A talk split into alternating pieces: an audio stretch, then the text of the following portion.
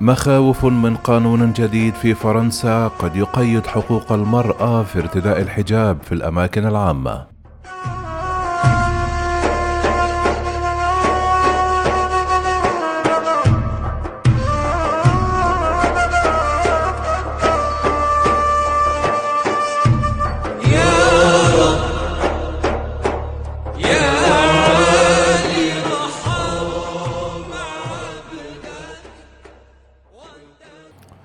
في أكتوبر الماضي وضع الرئيس إيمانويل ماكرون الرؤية وراء مشروع قانون جديد مثير للجدل وزعمت الحكومة أن أقلية من مسلمي فرنسا الذين يقدر عددهم بنحو ستة ملايين نسمة معرضون لخطر تشكيل مجتمع مضاد وأن مشروع القانون صمم لمواجهة مخاطر الانفصالية الإسلامية.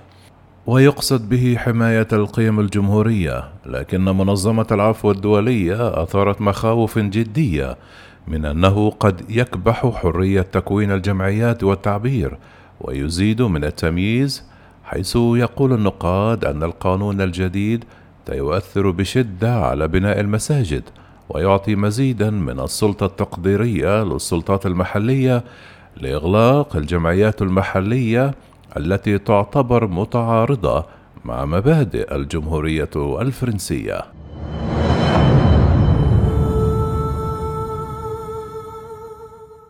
هذا المصطلح يستخدم غالبا ضد المسلمين على وجه التحديد في فرنسا، لكن من أكثر النقاط إثارة للجدل هو توسيع نطاق الخطر المفروض على ارتداء النساء للحجاب في مناطق القطاع العام ليشمل المنظمات الخاصة التي تقدم خدمات عامة. كما تم تقديم تعديلات أخرى لحظر ملابس السماحة الكاملة كالبوركيني والفتيات دون سن الثامنة عشر من ارتداء الحجاب في الأماكن العامة. وكذلك الأمهات من ارتداء الحجاب في رحلات أطفالهن المدرسية. وقد تم إبطال هذه الأمور فيما بعد لكن وصمة العار التي يضيفونها شرعية على الحياة. هذا الشهر قالت محكمة العدل في الاتحاد الأوروبي أنه يمكن لشركات الاتحاد الأوروبي في ظل ظروف معينة منع الموظفات المسلمات من ارتداء الحجاب في حين أن حكومة ماكرون كانت تبذل قصارى جهدها للإصرار على أن القانون الجديد لا يستهدف أي دين معين وأن العديد من المسلمين يخشون ذلك بالضبط. الباحثة القانونية الفرنسية ريم سارة علوان قالت أننا نشهد تبريرا لانتهاك الحرية والحقوق الأساسية باسم الأمن أي تسليح العلمانية إنه وحش قانوني مشوه لا يهدف فقط لاحتواء المسلمين ولكن لمحوهم من المجال العام. وهنا تتحدث ثلاث فرنسيات عن تجاربهن مع الإسلاموفوبيا المؤسسي ومخاوفهن من المستقبل. عائشة نشأت أم لخمسة أطفال في حي مانتس لجولي وهو حي للطبقة العاملة خارج باريس. كانت تسعى للحصول على عمل في عام 1994 وعندما كانت في الرابعة عشر من عمرها نصح مرسوم حكومي المدارس بحظر ارتداء الرموز الدينية المتفاخرة قبل عشر سنوات من أن يصبح هذا قانونا. قالت عائشة كنت طالبة نموذجية حتى اللحظة التي رفضت فيها خلع الحجاب كنت أداوم على الحضور الكامل ولم أتأخر أبدا ومع ذلك وجدت نفسي أمام لجنة تأديبية. أتذكر أنهم حاولوا ترهيبنا وقالوا أننا لسنا في إيران. لم يكن لدي أي فكرة عما يعني ذلك. اتهمونا بأننا جزء من جبهة الإنقاذ لكنني مغربية. أجبرونا على الحضور إلى المدرسة لكن منعنا من حضور الدروس. حيث تم احتجازنا بشكل أساسي ولم يسمح لنا بالخروج إلى الملعب للاختلاط بالطلاب الآخرين. كانت لدينا خمسة دقائق فقط لوقت الراحة واستمر ذلك لشهور. ثم استدرجت عائشة بعد ذلك تم إرسالي إلى مجلس تأديبي لأنه من المفترض أن تكون المدرسة إلزامية حتى تبلغ السادسة عشر من العمر. لقد استبعدوني بشكل دائم.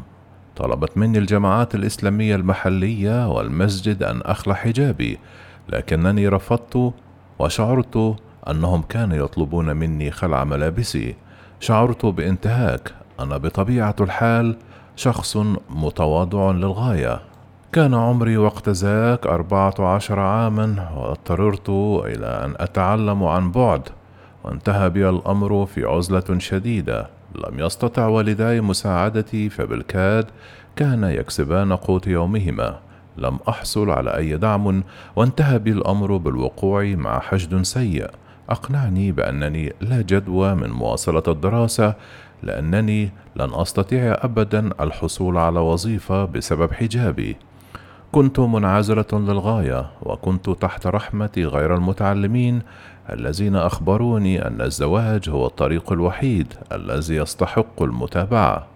تتحدث الحكومة عن مخاطر التمييز العنصري لكنهم فرضوا ذلك علي. أصيب أصدقائي من المدرسة بالصدمة. كنت آخر شخص كانوا يتوقعون أن ينتهي بهم الأمر بالعزلة بهذه الطريقة. كنت فتاة رياضية وطموحة للغاية وأردت السفر حول العالم. وبسبب ذلك دمر تعليمي وتراجعت عن هويتي وديني وعندما كنت مهتمة بالعديد من الأشياء إلى جانب إيماني وشعرت أنني لا أنتمي إلى أي شيء. فقدت ثقتي وتزوجت في سن مبكرة جدا حيث بدأ الزواج والأطفال بمثابة النجاح الوحيد الذي يمكن أن أطمح إليه. أصر زوجي على أن أرتدي الحجاب لكنني رفضت. وطلقت عندما كان عمري عشرون عاما.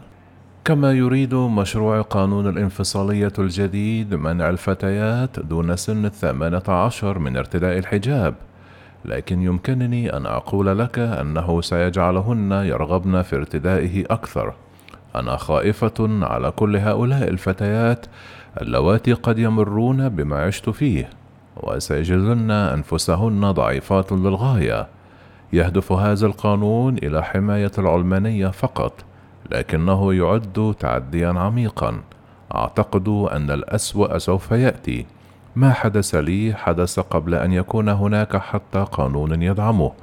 هذه القوانين تضفي شرعية على سلوكيات أسوأ لأنها تبرر السرد الأساسي القائل بأننا مشكلة. وتقول نورا وهي أيضا باحثة جامعية وأم لثلاثة أطفال من حي الطبقة الوسطى في باريس. في عام 2019 عندما كان ابني في الثامنة من عمره كنت متطوعة منتظمة في مدرسته وقدمت نفسي لمرافقتهم في نزهة مدرسية. عندها وافق المعلم وكنت أتطلع إلى ذلك حقا لكن عندما وصلت في صباح اليوم التالي استطعت أن أرى مدير المدرسة وهو غاضبا ويتحدث مع المعلم عني. جاء المعلم وطلب مني بخجل المغادرة على الفور واختلق عذرا لعدم وجود مكان في الحافلة. وعندها جاءت مديرة المدرسة وقالت لي عليك أن تفهمي نحن هنا في جمهورية. هنا مبدأ للعلمانية وإن لم يعجبك فارجعي إلى المنزل. شكرتها على المعلومات المتعلقة بفرنسا. كوني أيضا جمهورية. نظرا لكوني باحثة أكاديمية في واحدة من أفضل الجامعات في فرنسا. وبما أنني علمت أن القانون لا يمنعني من التواجد هناك فقد طلبت رسالة مكتوبة توضح سبب مطالبتي بالمغادرة. هذا عندما اتصلت بالشرطة ولابد أنها قالت أنني كنت أهددها لأنهم وصلوا على الفور. وأمام حافلة المدرسة المليئة بالآباء والأبناء وجميع الطلاب بدأ ضابطان يلقيان محاضرة. هذا بلد علماني عليك بالمغادرة. شعرت بالإذلال الشديد في هذه النقطة وبدأت في البكاء أمام الجميع. فقد شاهد ابني المشهد كله وأخبرتهم أن ما يفعلونه كان عنصرية مؤسسية وأنهم مخطئون بشأن القانون. ولقد بدأوا هم أنفسهم مرتبكين.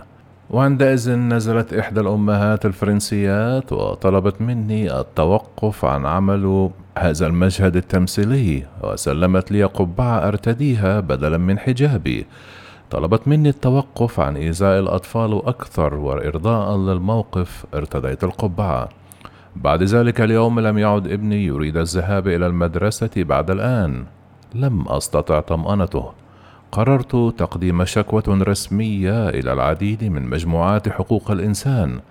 رفضوا الدفاع عني وإلى أمين المظالم التربوي رفض أيضا الاعتذار. وقررت عدم رفع دعوى قضائية لأنها كانت مرهقة للغاية لي ولابني. وسوف تصبح حياتي كلها معركة. مع هذا القانون الجديد أنا متشائمة للغاية بشأن المستقبل في هذا البلد. لم أعد أرى المستقبل هنا. نحن غير مرغوب فيهم. وهناك جروح نفسية خطيرة لهذا العنف الرمزي الذي نعيشه.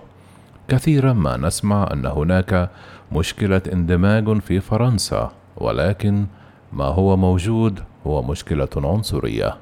وأخيرا هبة وهي طالبة قانون من ستراوسبورغ قامت هي والعديد من النساء المسلمات الأخريات بتأسيس حملة لا تلمس حجابي والتي انتشرت على نطاق واسع وحصلت على دعم من النساء المسلمات البارزات مثل الرياضية الأولمبية ابتهاج محمد والعارضة الصومالية المولد روضة محمد.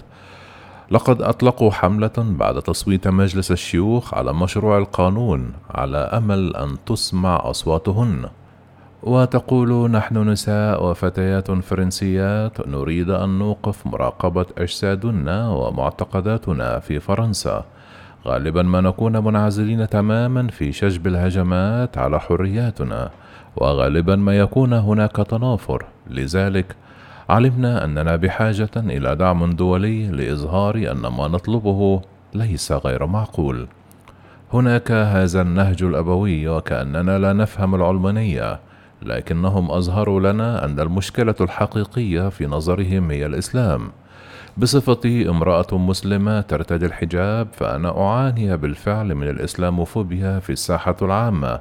فبدلا من قيام المشرعين بحمايتنا فإنهم في الواقع يجعلون الأمر قانونيا ويعززونه مؤسسيا ويجعلونه أكثر منهجية. سيجعل مشروع القانون الحياة أكثر صعوبة بالنسبة للنساء المسلمات بغض النظر عما إذا كانت هناك تعديلات معينة تم إقرارها.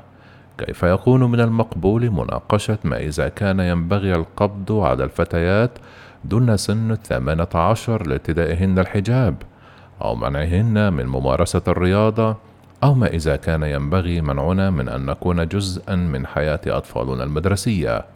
بل إنهم قدموا تعديلا لمنع امرأة مسلمة ترتدي الحجاب من الترشح لمنصب.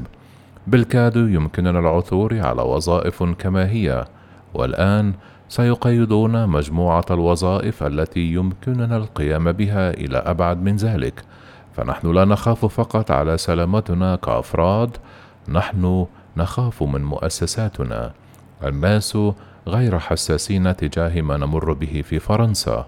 لكن هذه أيضا قضية أوروبية أوسع. انظر إلى اتجاهات مماثلة في بلجيكا وألمانيا وسويسرا.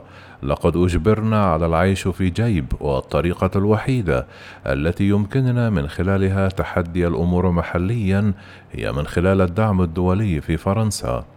يتم وصف أي شخص يدافع عن حقوق المسلمين بأنه يساري إسلامي ويتم تقويضه حتى اللجنة الحكومية للعلمانية تم تفكيكها لأنها اعترضت على الطريقة التي تمارس بها العلمانية. قيل لنا أننا لا نندمج لكننا نطرد تدريجيا من الحياة العامة تماما.